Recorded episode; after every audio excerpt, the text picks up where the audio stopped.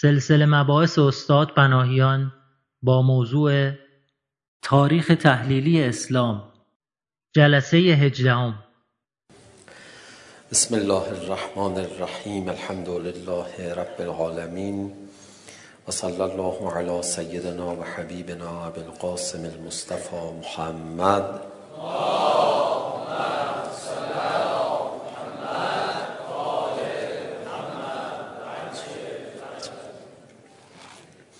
وآله الطيبين الطاهرين المعصومين سيما الحجة بقية الله الأعظم روحي وأرواح العالمين له الفداء واللعن الدائم على أعدائهم أجمعين إلى قيام يوم الدين رب اشرح لي صدري ويسر لي أمري واحلل عقدة من لساني يفقهوا قولي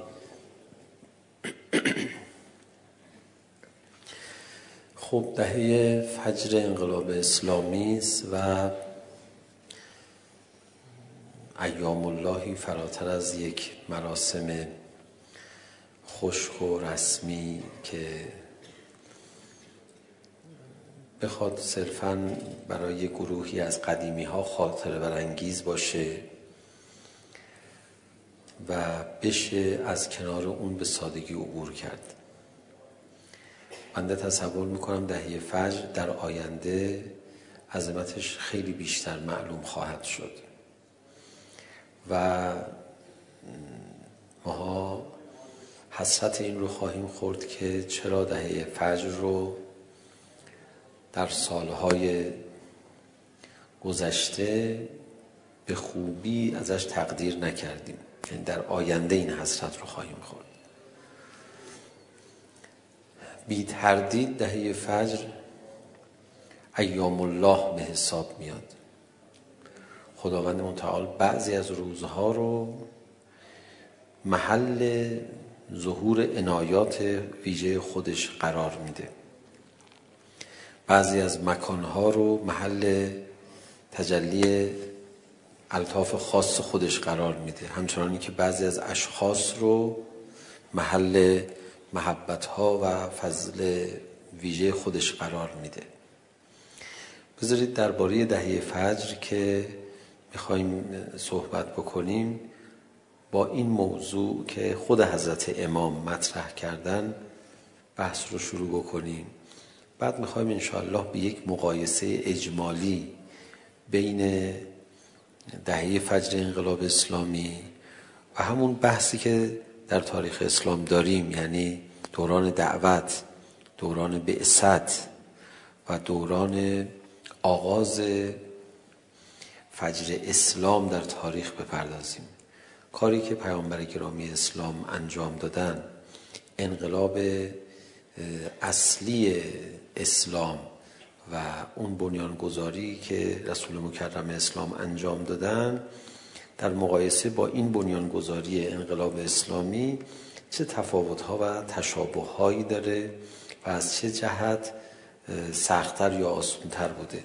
در این مقایسه البته میخوایم این مقایسه کامل صورت بدیم خیلی بحث طول می‌کشه. چند تا نکته کلیدی رو عرض بکنم که هم درباره دهه فجر صحبت کرده باشیم هم بحثمون از بحث‌های نگاه به تاریخ فاصله نگرفته باشه.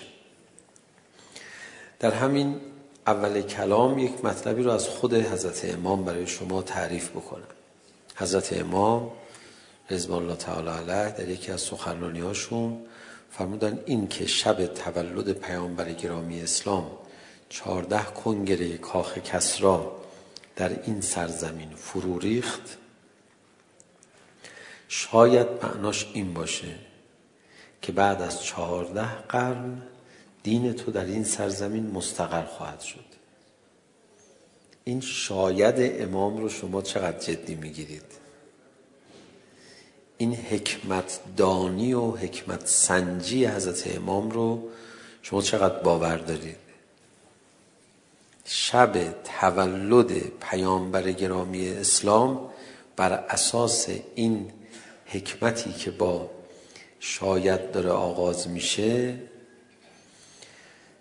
خبر ظهور انقلاب اسلامی و دهه فجر انقلاب اسلامی در واقع که نقطه اوج انقلاب ما بود به جهانیان داده میشه به تاریخ بشریت داده میشه.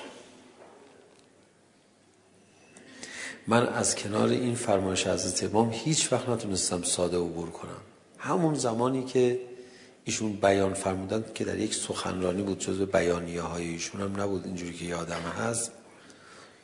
همون زمان یه دفعی برام خیلی جالب توجه بود که چی گفتن امام؟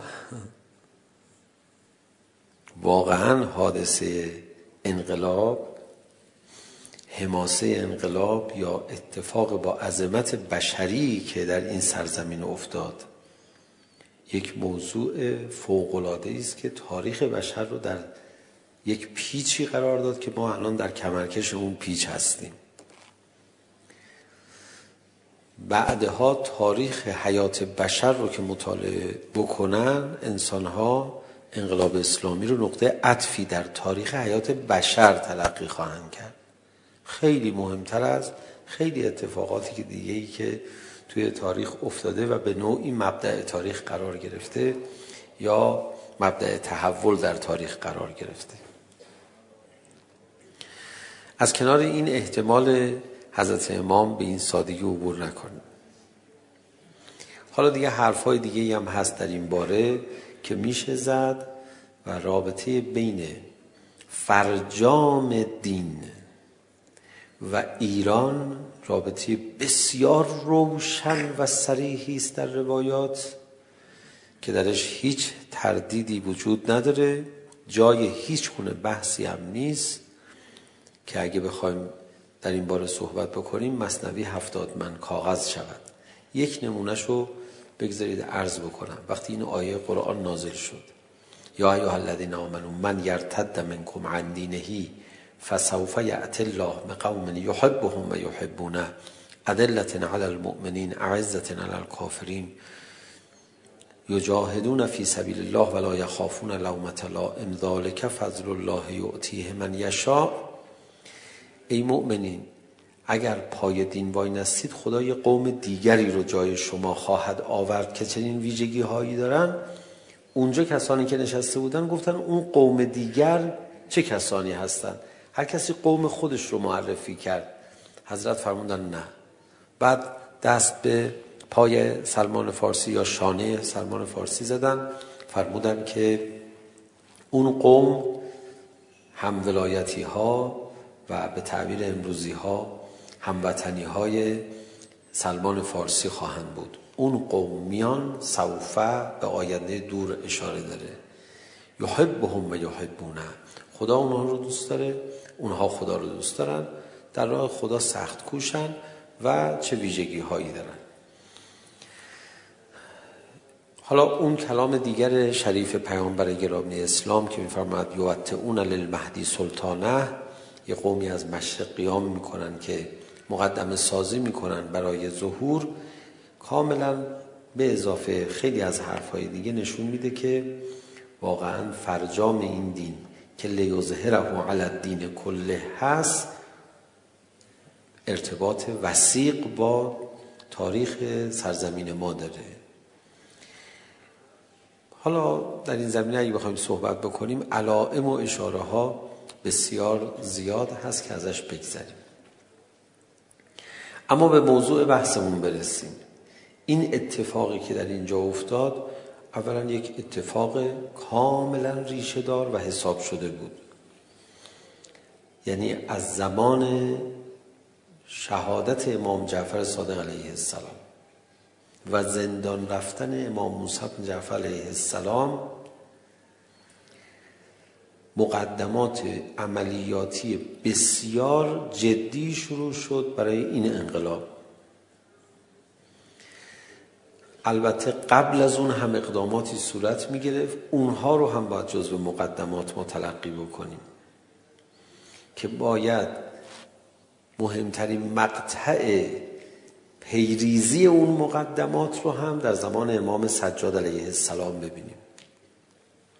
چیزی حدود پنجاه هزار غلام غالبا یا تماما ایرانی. امام سجاد علیه السلام آورده تو خونش تعلیم و تربیت داده.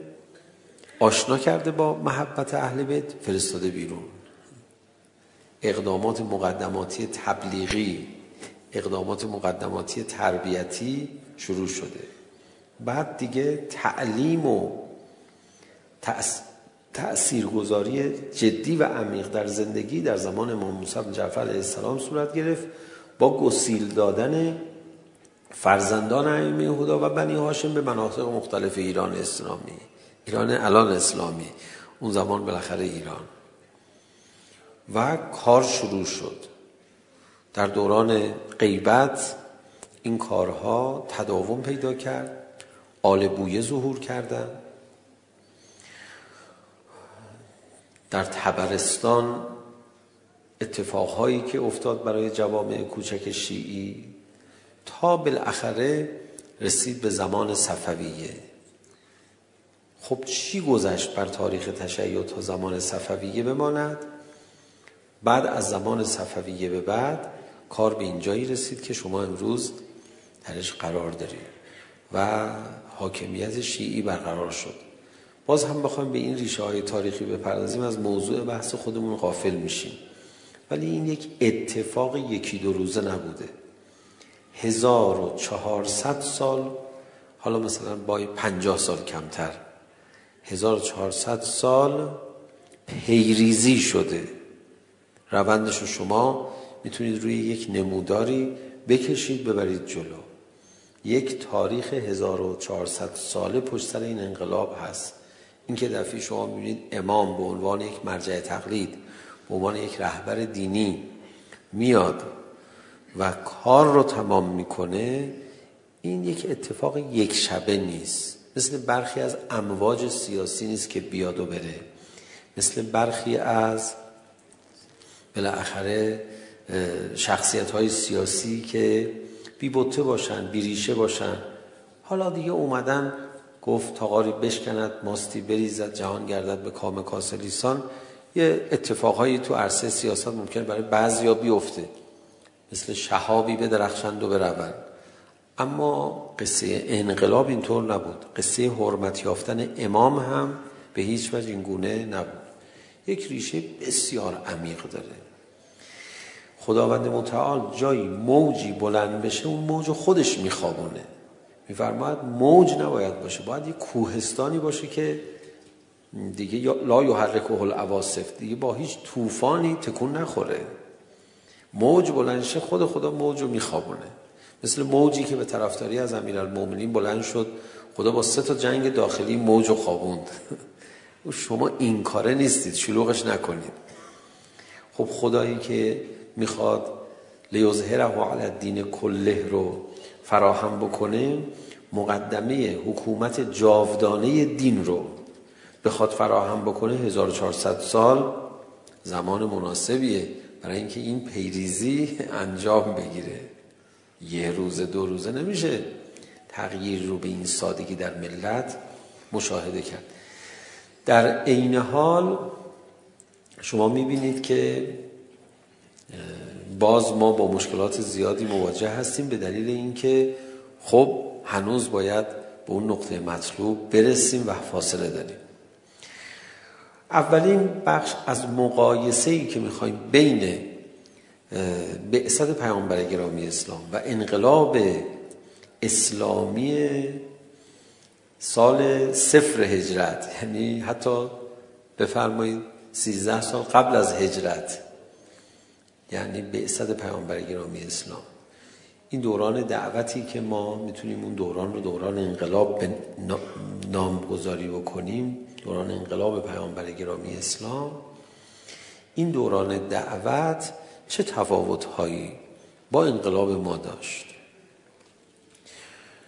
یکی از تفاوت های عمدش این بود که کار پیامبر گرامی اسلام بسیار دشوارتر از کار حضرت امام بود. من قبل از اینکه وارد این بحث بشم بذارید به شما بگم که ما نمیخوایم مقایسه بکنیم به این منظور که این دو انقلاب رو هم سطح یکدیگر بدونیم. اصلا یه همچین اشتباهی رو نباید کسی مرتکب بشه.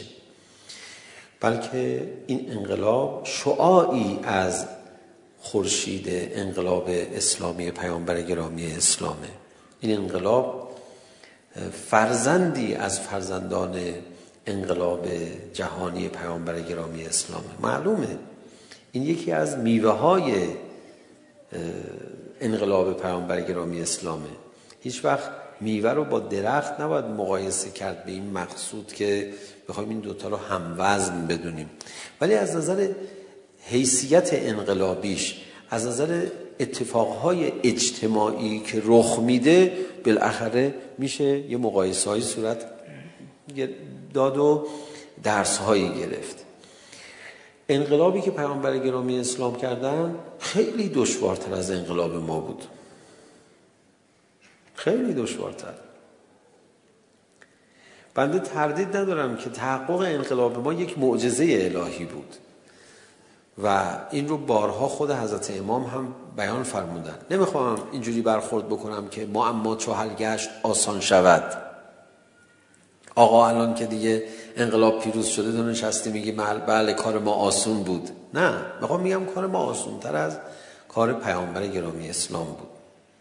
کاری که حضرت امام رضوان الله تعالی علیه میخواست انجام بده. چرا؟ به دلیل اینکه پیامبر گرامی اسلام وقتی مبعوث شدن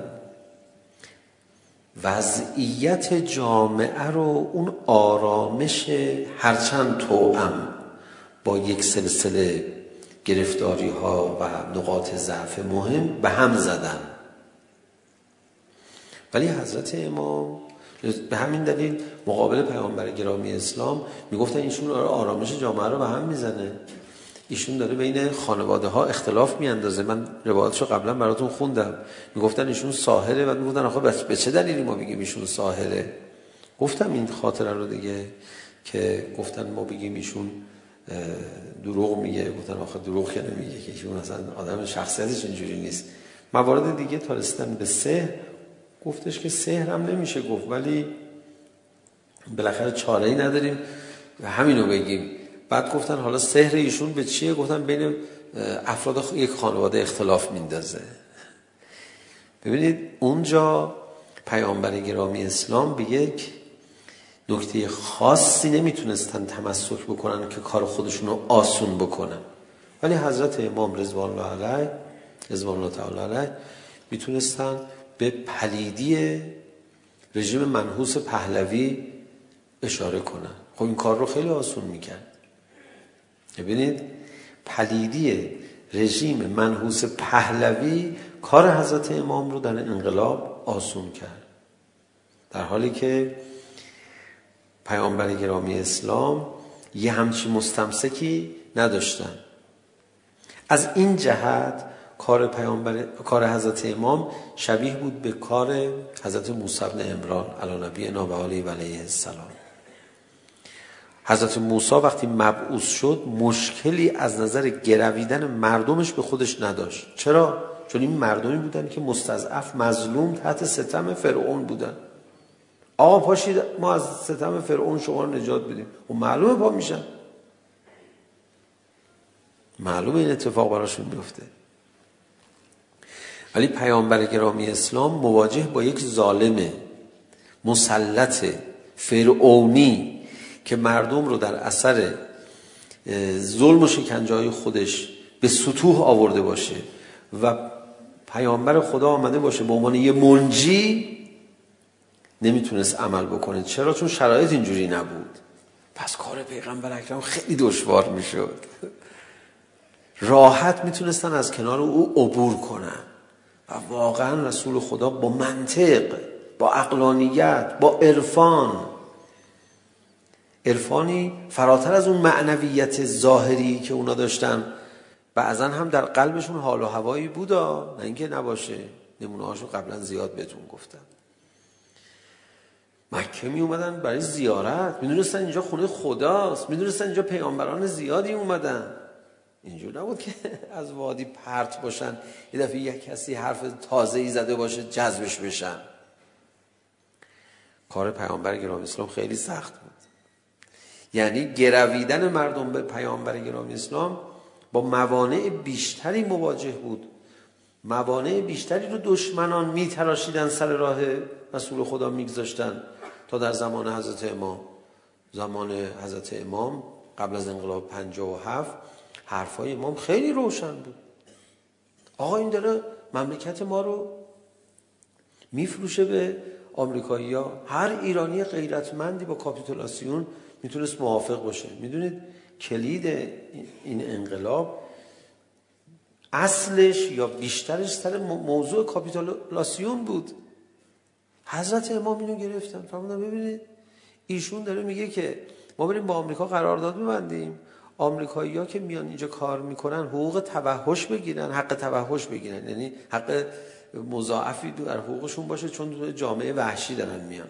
بعدش هم هر جنایتی کردن اینجا ما محاکمهشون نکنیم برن اونجا بعد حضرت امام یادمه توی یکی از سخنانی هاشون بود یا اطلاعی هاشون فرمودن که یعنی اگر یا آمریکایی به شاه این مملکت جسارت کرد قوه قضایی ما نباید مثلا دخالتی بکنه این باید برگرده کشور خودش آیا باهاش چیکار بکنه بابا شاه حداقل حیثیت خودت رو حفظ کن یعنی با این عبارات حضرت امام اومدن میدون اینقدر قصه روشن بود یعنی مردم درگیر یک معیشتی بودن مردم درگیر یک زندگی بودن که سرشار از ظلم بود این ظلم رو میدیدن بله برخی از اخشار شهری مرفه بودن ولی میدیدن یه قدم اونورتر چه حلبی آبادی هایی در اطراف تهران بودن حالا بنده مقدار سنم میرسه واقعا حلبی آبادهای اطراف تهران رو این جوانه ها الان بخوان تصورش رو بکنن براشون دشواره. همین اطراف تهران محله هایی که الان تبدیل شده به یک بزرگترین پارک ها چه ساخته اونایی میزن من رد میشم از اونجا.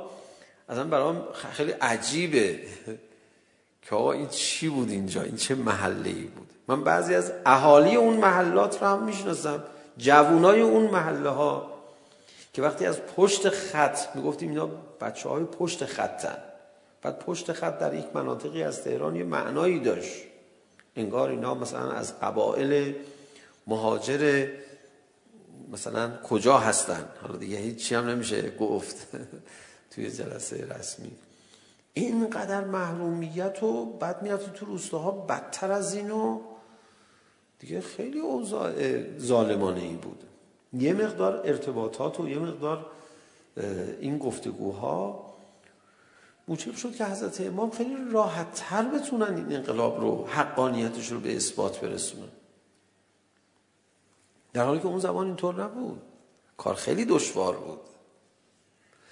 مثلا مثل این که الان شما بخواید یک معادله جدید فیزیکی رو نسبت به یه معادله قدیمی تر فیزیکی اثبات کنی و جایگزین کنی تو سرفصل درسی. چقدر کار دشواریه. الان تو دانشگاه های ما یه اتفاق ببینید چقدر کار سختیه. بعضی از سرفصل های درسی رو تو برخی از رشته ها شما الان میخواید تغییر بدی. بهش میگی بابا به حضرت عباس قسم اگه اعتقاد داری به این قسم ها 15 سال این سرفصل درسی تو خود غربم منسوخ شده تو اونجا ترجمه کردی اومدی در اینجا میخونی. میتونی تغییرش بدی؟ بین چهار تا آدم باسواد فهمیده. میتونی تغییرش بدی؟ حالا تبدیل کنی اینو به مسئله اجتماعی. مگه میشه این چیزا رو تبدیل کرد به مسئله اجتماعی به این سادگی؟ آن مردم دغدغه اینو داشته باشن که یه قاعده ای مثلا آقا تغییر کرده به این سادگی نمیشه یه ملتی رو دغدغه من کرد نسبت به چهار تا مفهوم نظری یک ملتی رو متحول کرد درگیر بشن بزرگترین نظام مسلح دیکتاتوری در منطقه رو سرنگون کنم با چهار تا دغدغه معنوی صرفاً نه نمیشه این کارو کرد حضرت امام رضوان الله تعالی علیه با تکیه به ظلمی که رژیم پهلوی داشتن این انقلاب رو به پیروزی رسوندن البته من نمیخوام بگم معنویت و دینداری مردم مؤثر نبود مؤثر بود حتی شما بگو این معنویت و دینداری مردم مؤثرتر بود ابی نداره من نمیپذیرم ولی ولی مسئله ای که هست اینه که یک نقطه تمام کننده باید وجود داشته باشه. نقطه تمام کننده برای انگیزه انقلاب همین رژیم پهلوی بود. که اصلا پیش مردم واقعا به سهولت منفور واقع شد. یک نظام سلطه یک نظام فاسد و زبون و ضعیف در مقابل بیگانگان خب حضرت امام فرمودن اینه این نکن باطل خیلی روشنه. فرق داره این فضا با مکه. مکه کلیددار خانه کعبه خود بنی هاشمن بزرگان مکه خود بنی هاشمن یعنی میخوام میگم نظام سلطه فاسد فرعونی شخص ظالم خاصی. اونجا وجود نداره که رسول گرامی اسلام بخواد برای نجات ملتش از این ظلمی که فاحش هست قیام بکنه مردم و توجهشون رو به خودشون جلب کنن به همین دلیل 13 سال طول کشید این جلب توجه. در اون شهر کوچیک. در اون شهر معنوی. این چرا دارم عرض میکنم؟ حتما توجه دارید دیگه نباید توضیح بدم. مردم تا یه ظلم فاحشی وجود نداشته باشه یک موج عظیم اجتماعی رو شکل نمیدن. مردم تا یک تغییر عمیقی وجود نداشته باشه یک انقلاب رو شکل نمیدن. و چجوری میشد در مورد پیامبر گرامی اسلام این قضاوت رو بکنن؟ حالا بذارید بازم یه مثال بزنم این مثال های تاریخی. هر کدوم دست گوشه های بحث ما رو میگیره. ببینید اومد گفتش که آقا ایشون چی میگن؟ یه نفر بود میخواست مسلمان بشه. خب مثلا به خدا به خدای احد و واحد و ق... احد و واحد مثلا دعوت میکنن گفت خب اونو ما مشکل نداریم ما. گفت مثلا نماز میگن بخون. گفت اونم مشکل نداریم. گفت میفهمم که شراب چیز زنا نکنید. گفت من زیاد اهل زنبارگی نیستم. دیگه چی؟ گفت میگن شرابم نخورید. گفت نه شراب نمیتونم. اگه اینه من یه سال دیگه شراب بخورم بعد میام مسلمان بشم. خب یه سال دیگه هم گفت رفت شراب بخوره که وسط سالم فوت کرد و مسلمان هم نتونست بشه. ولی میخوام بگم مثلا به چه انگیزه ای بیاد مسلمان بشه؟ بعد مسلمان بشه مثل پدر و مادر عمار یاسرم تیکه تیکه بشه. چه اتفاق خاصی داره میفته؟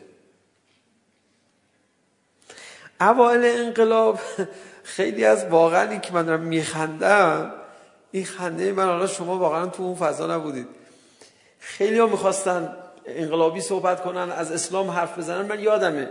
حالا من نام نمیبرم حتی اینا رو. می اومدن انقلاب پیامبر گرامی اسلام رو شبیه میکردن به انقلاب حضرت امام. مثلا یه نواری بود پخش میشد صدای شلاق تازیانه تئاتر اجرا میشد. شلاق تخ جیغ داد. میگفتن تو مثلا رژیم شاهنشاهی چجوری؟ شلاق و شکنجه تو زندان ها بود. در مکه هم همین طور بود. یه دفعه پیامبر آمد نجات داد. مثل همین اتفاقی که اینجا افتاد. نه اونجا همه چی آروم بود و پیغمبر اسلام به هم زدم همه چی اینا همه حرفشون این بود که آقا تو داری چی ما زندگی میکردیم چی داری چی کار داری میکنی؟ بعدها شکنجه شروع شد. بعدها درگیری شروع شد. داشتن زندگیشون رو میکردن. ولی در اینجا کسی زندگی نمیکرد. پس از این جهت که اینجا یک ظلم فاحشی توسط استبداد داخلی وجود داشت کار حضرت امام آسون تر بود این یک دلیل دوم برای اینکه کار حضرت امام آسون تر بود چی بود ای خدا ما رو کمکمون کن این حرفا رو همه بفهمن مثلا سیاسیون ما این حرفا رو بفهمن سیاسیون گاهی خیلی سرشون شلوغ میشه مشغول کار میشن و درگیر میشن توجه نمیکنن به بعضی از حرفا خیلی ساده خیلی روشن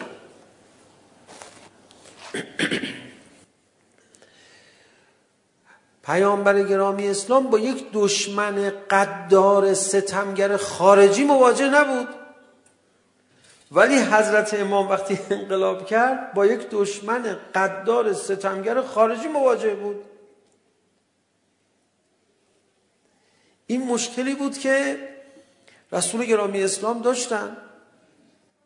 آقا پیغمبر اسلام جنگ داشتن. بله چه جنگی داشتن؟ برادر هم میگن و میکشتن. چه جنگی بود؟ پیامبر گرامی اسلام اومده بودن. با گروهی از مهاجرین. مدینه یعنی مهاجرین اهل مکه بودن. بعد اهل مکه هم می اومدن باشون می جنگیدن خب هیچی طبیعتا مجبور بودن فامیلاشون رو از بین ببرن. کما این که همین اتفاق افتاد. این دشمن قدار خارجی نیست. چون دشمن قدار خارجی انسجام درونی ایجاد میکنه. دشمن ستمگر بیرونی قدرت در شما ایجاد میکنه. اصلا ذهن شما رو تیز میکنه که درست حق رو بفهمی حتی.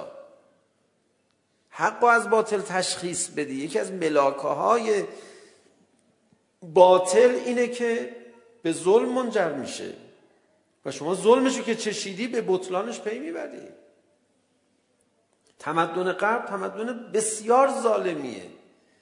و ما به واسطه این ظلمش میتونیم از کفرش نجات پیدا کنیم. و علیه ظلم و کفرش یک جا قیام بکنیم ولی در زمان پیامبر گرامی اسلام کار به این آسونی نبود مثلا می اومدن در جنگ بدر یا در جنگ احد به ویژه که مهاجرین هم مثلا یه مقدار بیشتر شده بودن خب اون طرف هم فک و فامیلاشون بودن جنگی سخته ما بعد از انقلاب چه جنگی داشتیم جنگ با معلوم بود کیا پشتش بودن موشک فرانسوی میگ شوروی.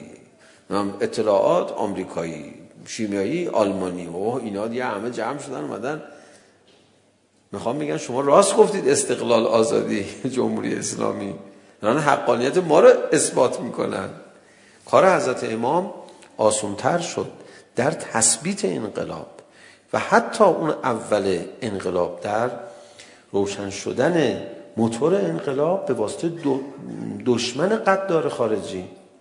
و این در زمان انقلاب صدر اسلام وجود نداشت. شاید این وضعیت در زمان امیرالمومنین علی علیه السلام وجود داشت خیلی از مشکلات از حل میشد میافت جلو. چون اختلافات داخلی رو میشه در مواجهه با دشمن خارجی واقعا گذاشت کنار. ولی این دشمن خارجی نبود بلکه اسم مسلمان ها حمله کردن کشورهای دیگه جالبه خب شما فکر میکنید چه نتیجه ای پدید میاد نتیجه ای شبیه به نتیجه ای که برای قوم حضرت موسی پدید اومد تا وقتی که تحت ستم فرعون بودن همه گوش به فرمان حضرت موسی وقتی که یک کمی دیدن نه آرامشی برقرار شد فرعون از بین رفت حالا ببین چجوری برخورد کردن تو رو خدا نگاه کن عصا میزد که چشمه آب جاری کنه. ما نمیخوایم یه چشمه. ما میدونید دوازده تا قومی برای هر کدوم باید چشمه جداگانه باشه. بابا ایرادای بنی اسرائیل نگیر تو رو خدا. معجزت خودتون رو بشورید تو این آب. از خداتون باشه قطر چکون تقسیم کنید بین خودتون. دبه میکردن. حالا از آسمون داره غذا میاد. میگفتن یه جور غذا که نمیشه نگاه رفته رستوران مثلا عمه قزی کجا رفتی شما؟ خب این چیز باید باشه. متنوع غذایی میخوان عدس باشه لوبیا باشه همش یه جور که نمیشه که. بابا عجب شما دیگه کی از دیدین سایه فرعون که از سر اینا رفت چه بلایی سر از موسی آوردن.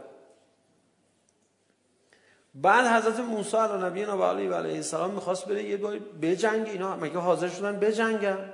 اصلا و ابدا. خیالشون تخت تبارک راحت مدعیم شده بودن بابا اینا هم جزء تاریخ اسلام دیگه اسلام در زمانهای قدیمتر بنابر ان الدین عند الله الاسلام خب شما وقتی که نگاه میکنید میبینید که در زمان پیامبر گرامی اسلام هم یک دشمن قدار محکم خارجی وجود نداشت که موجب انسجام داخلی بشه ولی در مورد ما این وجود داشت ما در آن واحد در انقلاب و بعد از انقلاب با استبداد داخلی و استکبار جهانی مواجه بودیم. این دو تا از شانس های بزرگ انقلاب اسلامی ایران بود. و همین الان هم هست. همین الان هم. این دشمن ما اینقدر جنایت کاره اینقدر روسیاهه اینقدر بدبخته که واقعا هر روز داره دلیلی بر دلایل حقانیت این انقلاب و مرگ بر آمریکاهایی که در طول این سالها گفته شده اضافه میکنه لذا من به شما بگم کسانی که امروز گمراه بشن از خط اسید انقلاب چه بسا عذابشون از گمراهان زمان رسول خدا بالاتر باشه این که حضرت امام زمان ارواح الله فدا میان گمراه ها رو گردن میزنن مهلت نمیدن و ظاهرا رفتارشون با صدر اسلام تفاوت میکنه. مال همینه. آقا اون زمان رسول خدا خودشون مهلت میدادن. خودشون میفرمودن ان قومی لا یعلمون سر پیغمبر اکرم میشکستن. زینب دختر پیامبر گرامی اسلام می اومد سر حضرت رو بشوره گریه میکرد. بعد رسول خدا میفرماد که گریه نکن ان قومی لا یعلمون اینا نمیفهمن ولی امام زمان ارواح الله الفدا میاد کسی اشار بوی انحراف بده گردنشو میزنه طبق روایات حتی از یاران خودش باشه برای اینکه آقا مرد حسابی حق روشنه پیش قاضی و ملق بازی به چی تو میخوای بفهمی تو چی رو میخوای بفهمی مثلا تصور کنید یک کسی امروز گرایش به تمدن غرب داشته باشه احمقتر از اون دیگه پیدا میشه.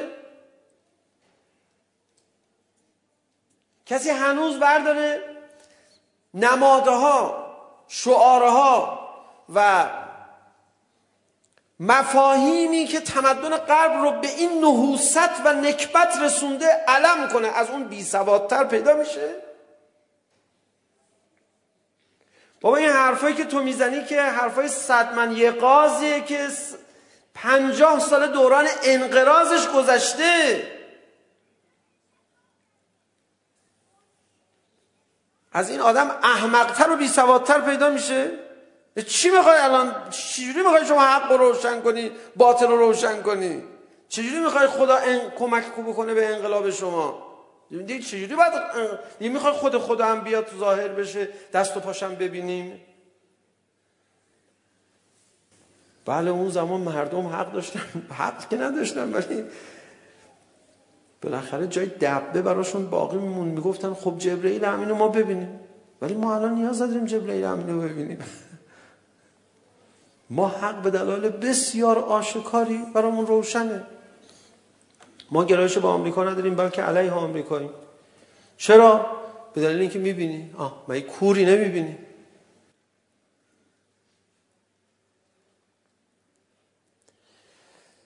تمدن غرب این ستمگری که در جهان میکنه با چه ادبیاتی شکل گرفته؟ آدم بی سواد و احمق و جاهل و مغرض و بیمار و قافل کسیه که تکیه تکیه کنه به ادبیاتی که تمدن ظالم و پوسیده قبل رو شکل داده. این دیگه چیزیه که قابل نیاز به اثبات داشته باشه.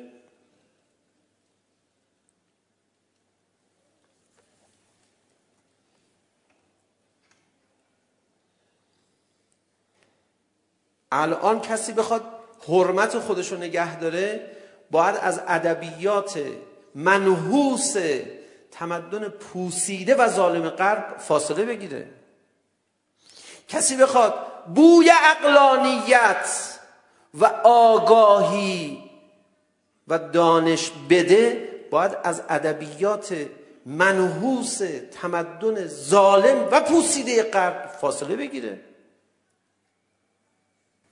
ادبیات ادبیات یک طرز تفکر بار روانی خاص خودشو داره نتیجه عملیاتی خاص خودش هم داره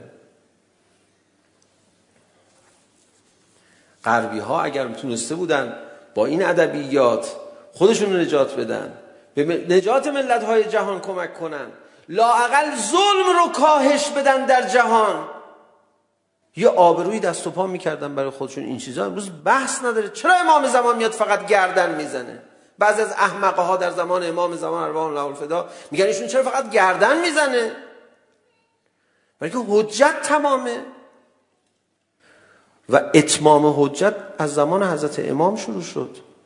حضرت امام در آغاز انقلاب برید تو متن فرمایشات حضرت امام ببینید. میفرمایند امروز حجت تمامه. تقیه دیگه لازم نیست. تقیه برای بیان حق برای دفاع از حق. اینها جزو کمک های انقلابه الان امروز کسی انقلابی بشه هنر نکرده کسی ضد انقلاب بشه بدتر از ضد انقلاب زمان پیامبر گرامی اسلام عذاب خواهد شد و این بدتر عذاب خواهد شد رو شما ان در زمان ظهور خواهید دید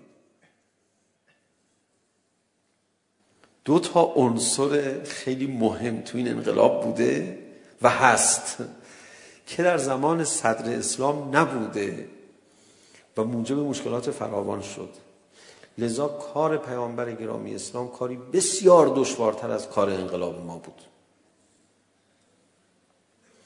یکی عنصر استبداد داخلی که این شرایط رو شما در مکه به این صورت نداشتید. اشراف قوم بزرگان بنی هاشم بودن. حالا درسته اون طرفی هم جزو اشراف قوم داشتن کسانی رو ولی کسی اونا رو آدم حساب نمیکرد همه میفهمیدن فرق بین این دوتا آدم چیه. امین لقبی بود که به جوان ابو طالب به جوان قریش میدادن که در بنی هاشم بود و ادعای پیغمبری کرده بود. او انسان معتبری در زمان خودش بود. خب این شرایط کار پیغمبر گرامی اسلام رو سخت میکرد.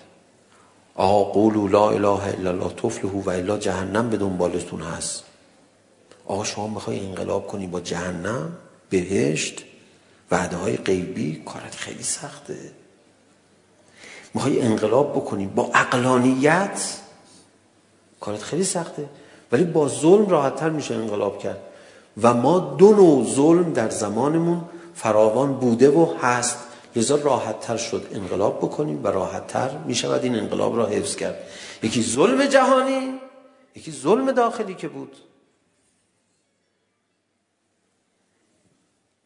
ظلم جهانی رو امروز ببینید تصاویرشون میرن شما ببینید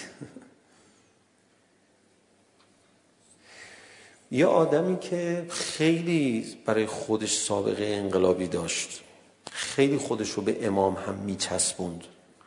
اومد رسما توی تلویزیون برگشت گفت که حالا تو متن دادگاهش رو داشتن نشون میدادن که فلسطینی ها من همجوری رهگذری تو تلویزیون دیدم. همچین محقق برجسته ای هم نیستم اینا رو برم من گوشه و کنار در بیارم.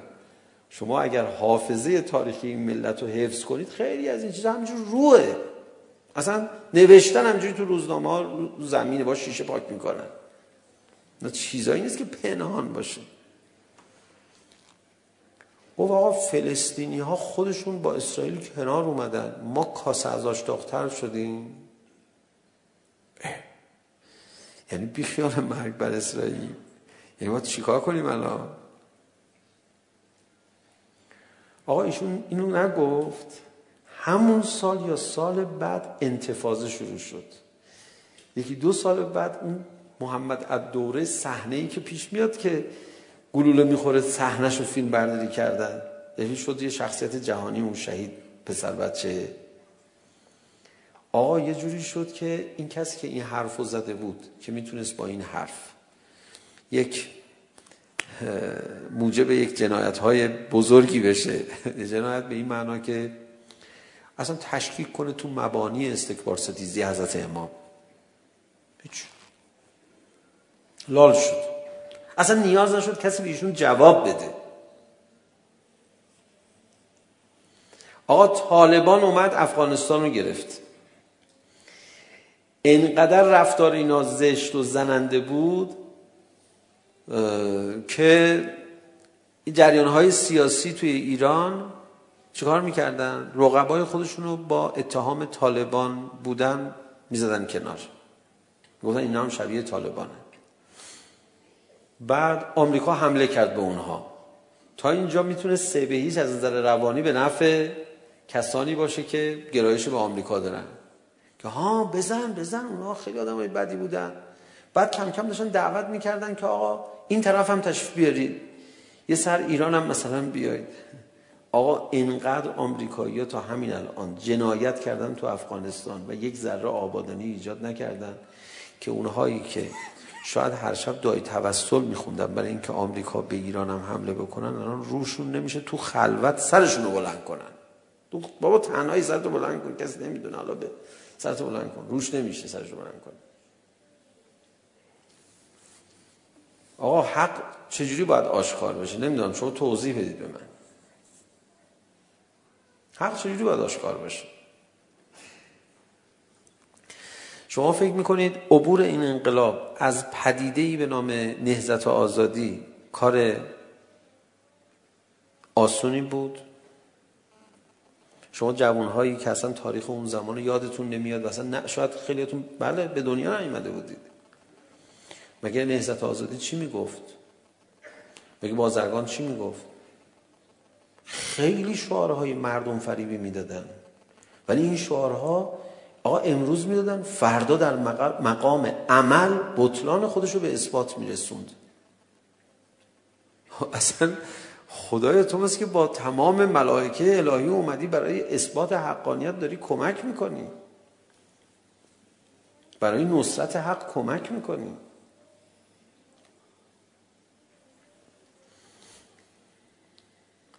من قبل از این انتخابات بود توی جایی صحبت میکردم.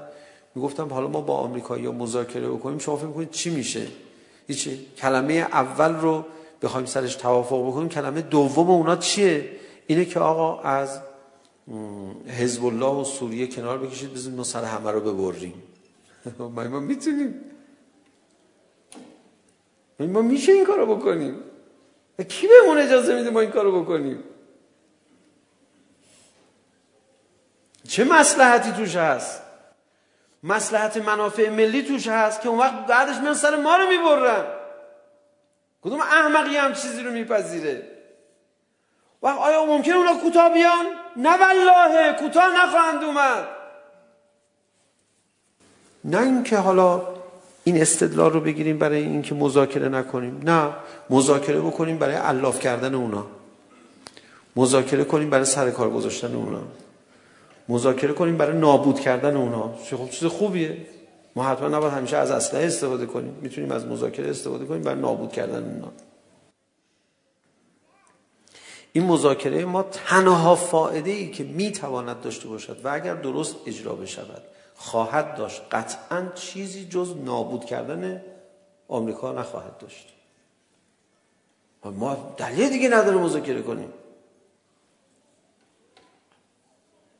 ما نمیخوایم دشمن رو نگه داریم که نفس بکشیم نه ما نفس میکشیم الان بهترش هم میکشیم اونا بیان جلو با ما رفیق بشن نفس ما رو میبرن بی تردید ما میخوایم نفس دشمن رو بگیریم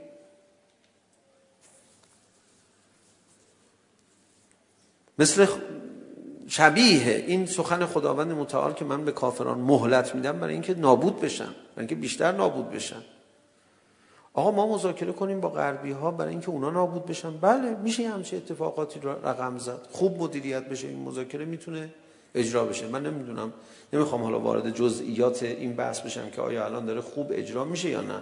دلیل دیگه ای وجود نداره.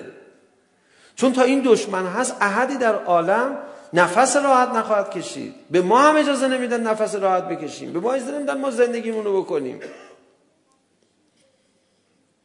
به ما اجازه نمیدن الهی همه عالم فدای اون بزرگترین مصیبتی که از نظر روحی بر ابا عبدالله الحسین وارد شد که وقتی که دختر دلبندش صدا زد بابا ما رو برگرد مدونه مدینه بعد برو به سمت دشمن فرمود اگه دشمن اجازه به من میداد که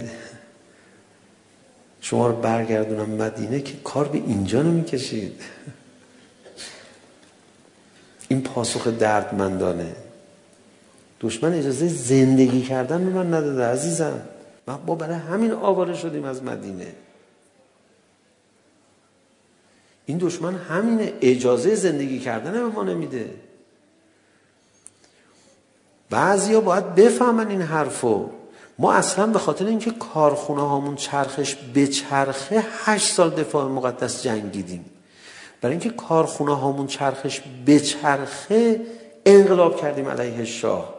برای اینکه چهار کارخونه هامون چرخش به چرخه لال جاسوسی رو تسخیر کردیم. برای اینکه کارخونه هامون چرخش به چرخه انرژی هسته‌ای رو را انداختیم. برای اینکه کارخونه هامون چرخش به چرخه از حزب الله لبنان دفاع کردیم. و حمایت کردیم مقابل اسرائیل. برای اینکه کارخونه هامون چرخش به چرخه هرچی مقاومت داشتیم مقابل آمریکا. این که دیگه حرف خیلی ساده یه فهمش زیاد پیچیده نیست.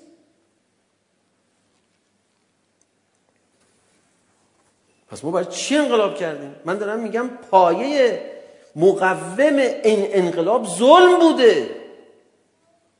مردم سر عرفان عرفان و معنویت و عقلانیت که انقلاب نکردن که. چرا عرفان و عقلانیت کمک کرد که راهشون رو در مقابله با ظلم پیدا بکنن؟ معلومه. و الان این شرایط اثبات حق دفاع از حق رو آسون کرده. سخنش آقای سید بزرگوار مقاومت قهرمان جهان عرب رو شما چند وقت پیش جهان اسلام رو بلکه شنیدید. آقای سید حسن نصرالله فرمودن چی؟ فرمودن ما میریم توی سوریه در مقابل تروریست ها مقاومت میکنیم. این بهتر از اینه که صبر کنیم بیان سر ما رو ببرن.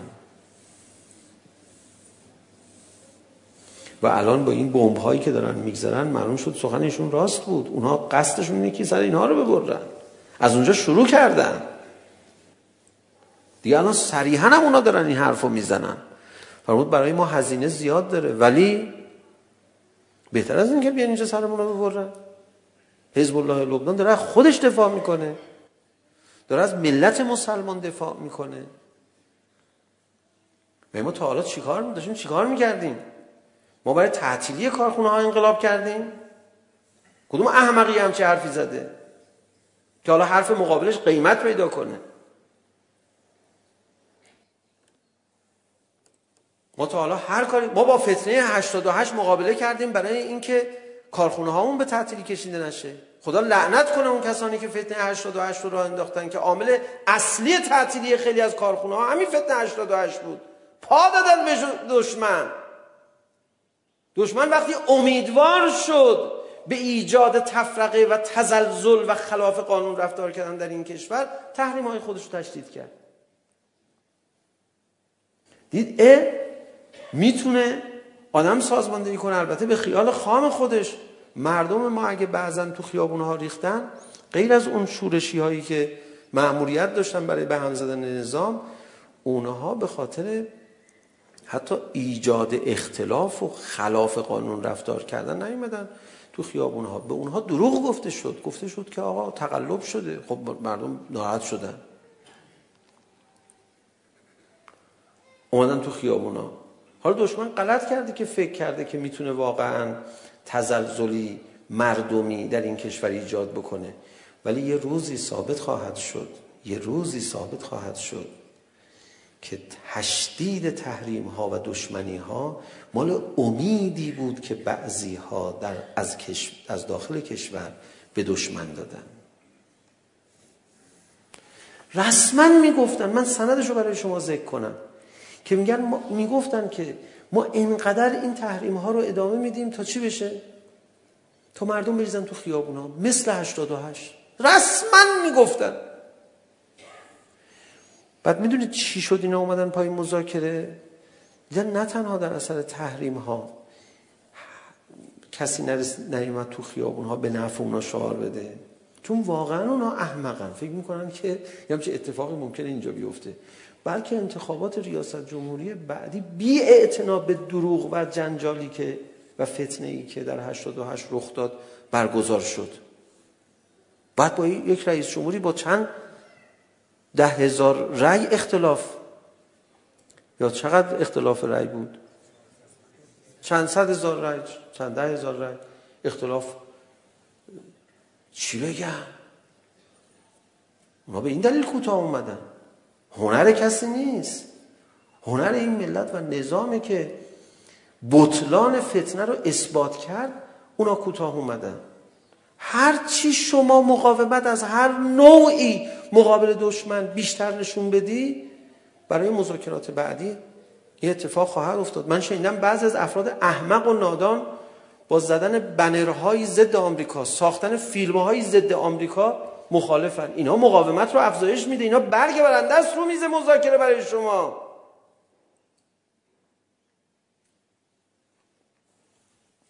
در این تظاهرات بعد ضد آمریکایی ترین شعاره ها در تظاهرات 22 بهمن داد سر داده بشه.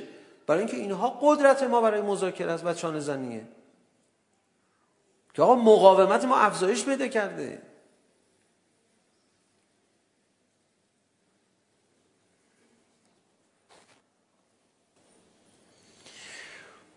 اونها کارشون تمام نشده. اونها تصمیمشون برای آینده هم روشن نیست.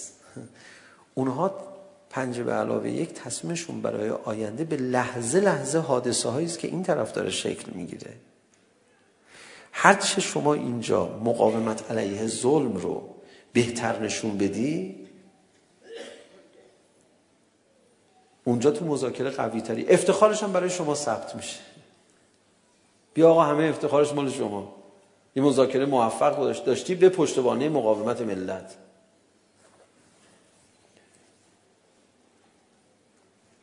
نترسید. اونها من به سیاست مدارانمون میگم. نترسید. اونها از شنیدن کلمه مرگ بر آمریکا و مرگ بر رئیس جمهور آمریکا ناراحت نمیشن. بهشون برق نمیخوره. اونها انقدر مار خوردن افعی شدن. اونها انقدر قساوت قلب دارن که یک ذره به هیچیشون بر نمیخوره. اونها یه مش نمایندگان یه مش جنایتکاران سخیف و پس فطرت بین المللی هستن که بیدی نیستن که با این بادها بلرزن تو فقط با این شعارهای محکم مقاومت خودتو افزایش دادی و وقتی مقاومت خودتو افزایش بدی اونا بیشتر در مقابل تو کرنش میکنن کاملا معلوم مقابل یه سگ هار باید چی کار کرد فرار کنی پاچه تو گرفته باید نه تنها فرار نکنی بلکه حالت تهاجمی بگیری اون میشینه سر جاش ظلم استبداد داخلی و ظلم استکبار جهانی اصلی ترین پایگاه انقلاب از هست از این جهت انقلاب بوده و هست از این جهت که این ظلم حقانیت راه حضرت امام رو نشون داد. ظلم ظالمان در طیف گسترده جهانی حقانیت جهانی انقلاب ما رو به اثبات رسونده. ظلم تروریست ها توی سوریه حقانیت و اصالت و سلامت و سلابت مظلومانی مثل حزب الله لبنان رو به اثبات رسونده. و آخر الزمان که ظلم بعد ما ملعت ظلمن و جورا جهان پر از ظلم و جور میشه این مقدم ساز ظهور میشه کما اینکه همین الان مقدم ساز ظهور شده. مردم به سطوح میان از ظلم. ولی یه عده مردم مرفه بیدرد. رسول خدا هم بیاد با بزرگترین آیات الهی از سر سیری مخالفت میکنن. و مردمشون رو هم باز میدارن. من یادم هست تو همون بحثایی که یه قسمت اوایل صحبت کردم بذارید اینم بگم. گفتن بله غلام ها سیاه ها همه به پیغمبر اسلام گرویدن. نه همه نگرویدن چون پیغمبر گرامی اسلام نهزت آزادسازی برده انجام نداد. بله میفرمود اخلاقی برخورد کنید همه نگرویدن مثل اینکه حمزه عموی نازنین پیامبر گرامی اسلام رو وحشی غلام هند جگرخواره زد و به شهادت رسوند. اینجوری نبود. بله. غلام ها می اومدن. برخی از اشراف خوبم می اومدن. برخی از آدمای متمکن برخی از آدمای ضعیف همه جور آدم می اومد. غلام ها بیشتر هم می اومدن. اینم میتونیم بپذیریم.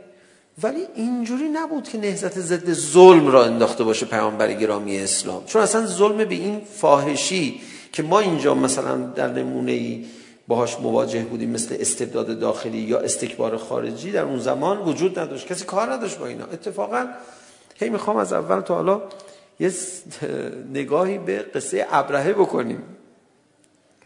مثلا دشمن خارجی نداشتن مردم مکه. چرا؟ مثلا دشمن خارجیون همین سپاه ابرهه اومدن حمله کنن. اینا نشستن. مثلا تکون هم ندادن به خودشون. حتی چهار تا گونی سنگرم درست نکردن دم شهر بگذارن در راه ها رو پر کنن و اینا. هیچی خداوند تبارک و تعالی هم اومد با عبابیل اونا رو نابود کرد و دیگه اینا دیگه میخوای به, چ... به چه خیال راحتی برسن؟ بله ما اینجا خیالمون راحته کنار خانه کعبه هر کی بیاد نابودش میکنه خدا. حالا پیامبر گرامی اسلام اونا رو از چه دشمن خارجی بترسون؟ بابا این همین چند سال پیش اتفاق افتاده. یا رسول الله. چه دشمن خارجی خیالت راحت باشه مشکلی نداریم ما حتی اینجوری هم ممکن بگن دیگه این که ظلم جهانی امروزه در کنار ماست یک فرصت برای اثبات حقانیت دین دینی که میتونه حقانیتش رو سر به زنگاه ظلم ثابت بکنه نه اینکه دین ما ماهیتش تماما چیزی نباشه جز ظلم ستیزی. نه ماهیت دین ما فقط کارش ظلم ستیزی نیست بلکه رسوندن انسان به خدا در یک جهان پر از عدل کار بعدی و کار اصلی دین ماست.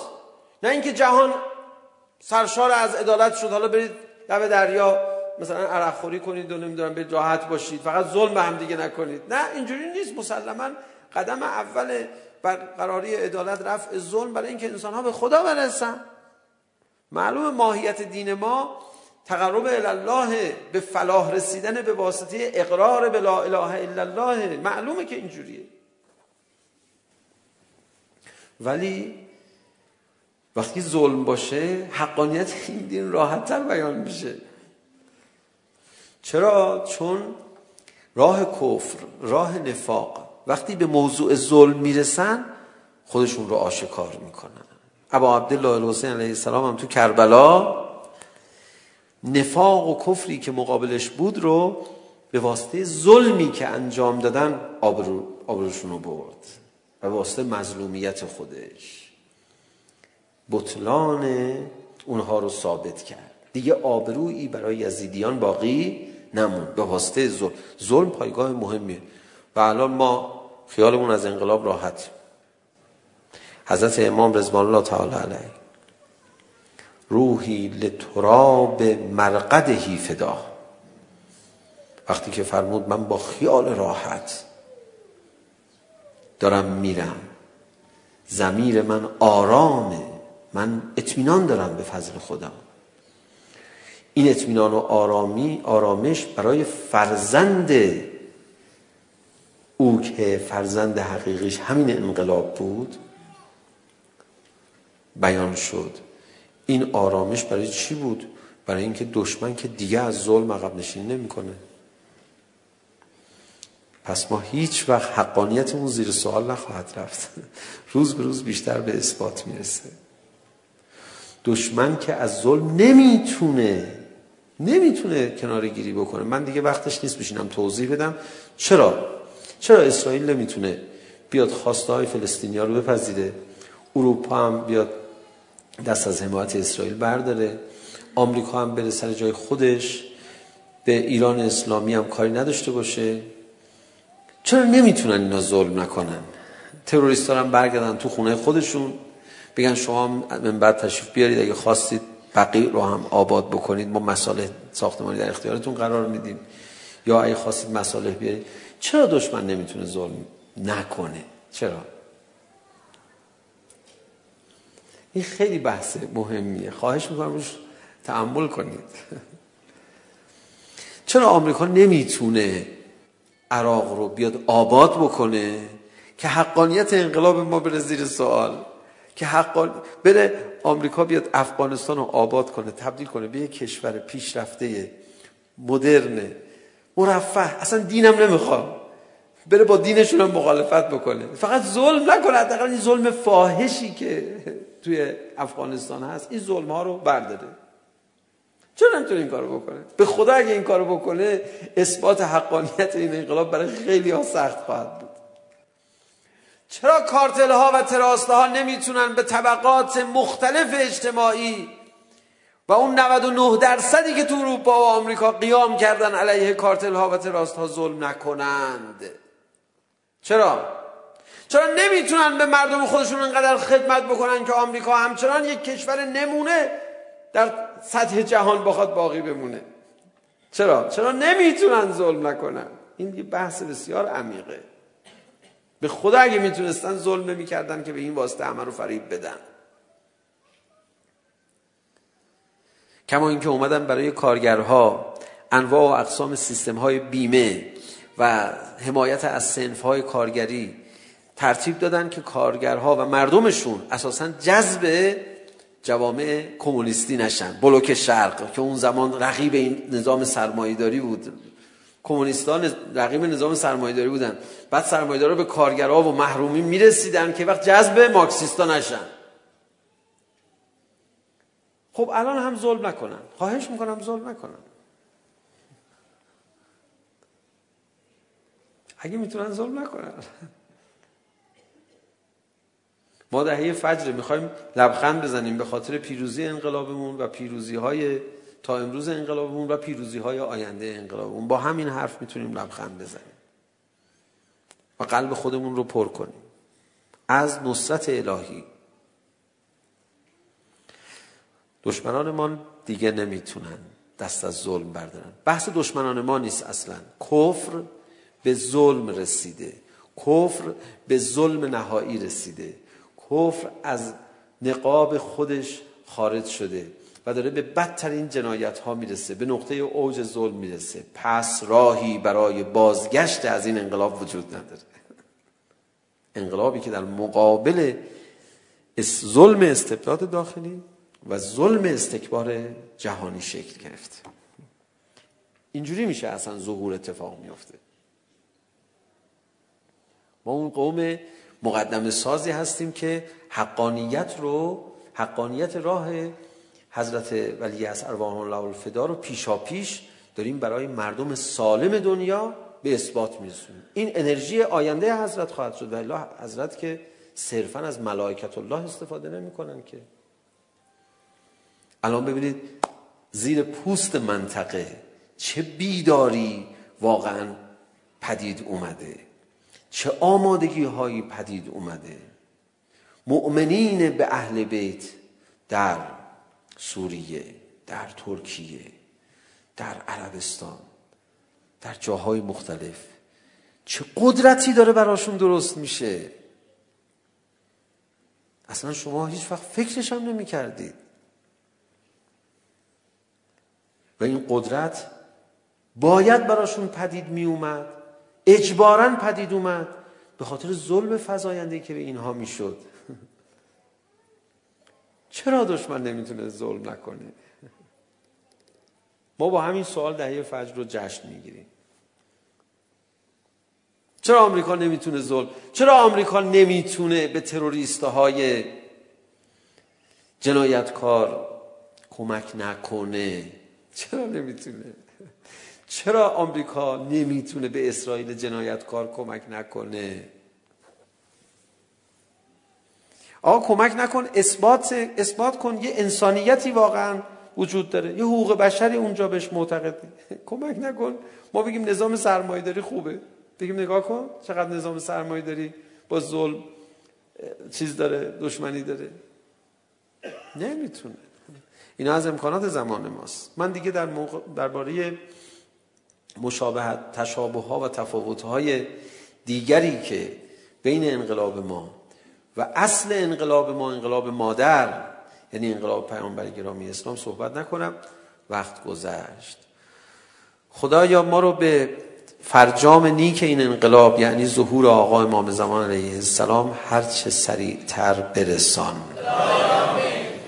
خب ما ایام جشن و سرور اهل بیت روزه نمیخونیم درسته؟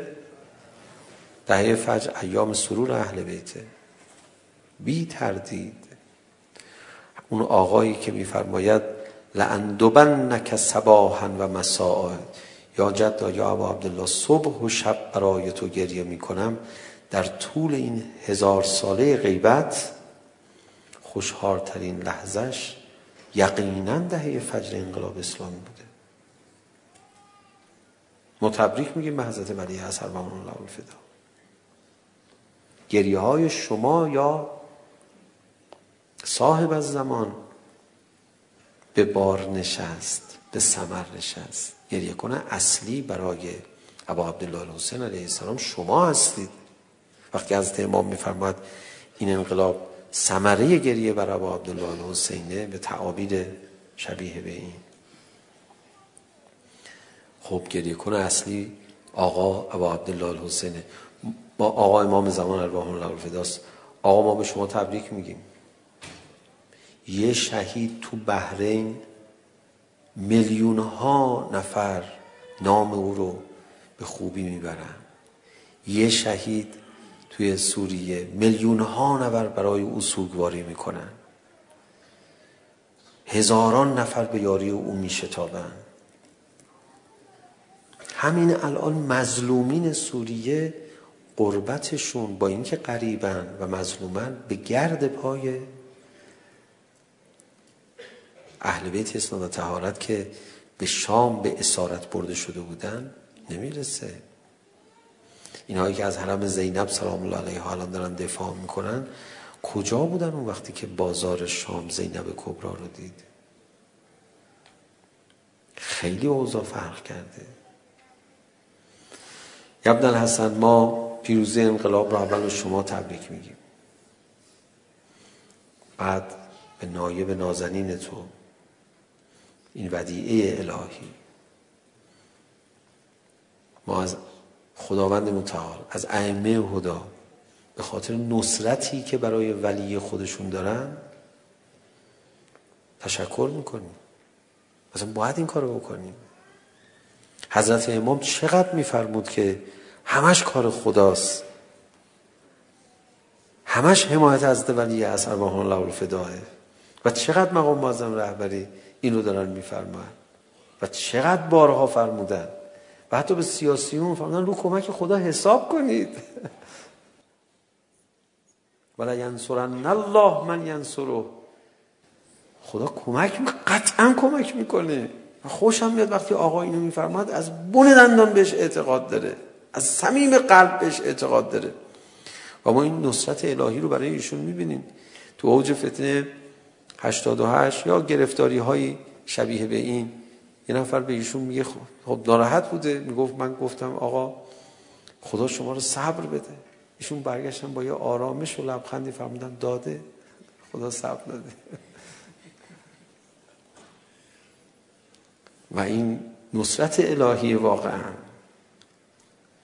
و نصرت الهی بدونید پشت پرده بیش از این هست. نصرت الهی یقینا هست چون اون بحثی که نکردیم انشاءالله در موردش تحقیق بکنید. واقعا وجود خواهد داشت. و اونی که راه باطل راه کفر دیگه نمیتونه ظلم نکنه. یه شرایط یه جوری شده که اینجوری شده. میخوام بگم خدای دشمنان اسلام مسلمین را حفظ بفرما. برای اینکه اینا چقدر اثبات حق چقدر کمک میکنن با جنایتاشون. برای اثبات حقانیت راه رسول خدا دیگه چی بگم؟ خدای دشمنان اسلام مسلمین رو علکی از بین نبر خدای دشمنان اسلام مسلمین رو با رشد ما از بین ببر با مقاومت ما از بین ببر خدایا دشمنان اسلام و مسلمین رو به دست ما از بین ببر خدا دشمنان ما رو به واسطه خودشون هم از بین ببر خدایا دشمنان ما رو به دست مؤمنان مقاومت مؤمنان انقلابی مؤمنان خط مقدم جبهه مقاومت نابود بگردن. دشمنان ما رو به دست خودشون زلیل و نابود بگردان مکرشون رو به خودشون برگردان دوستان ما را خدایا بیدار بگردان بیداری اسلامی حقیقی نصیب همه سیاستمداران ما قرار بده. خدایا روحیه مقاومت بصیرت به همه سیاستمداران ما عنایت بفرما.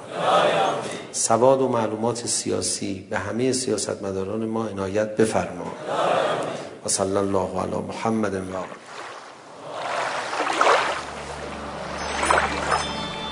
بیان معنوی نقطه آی آی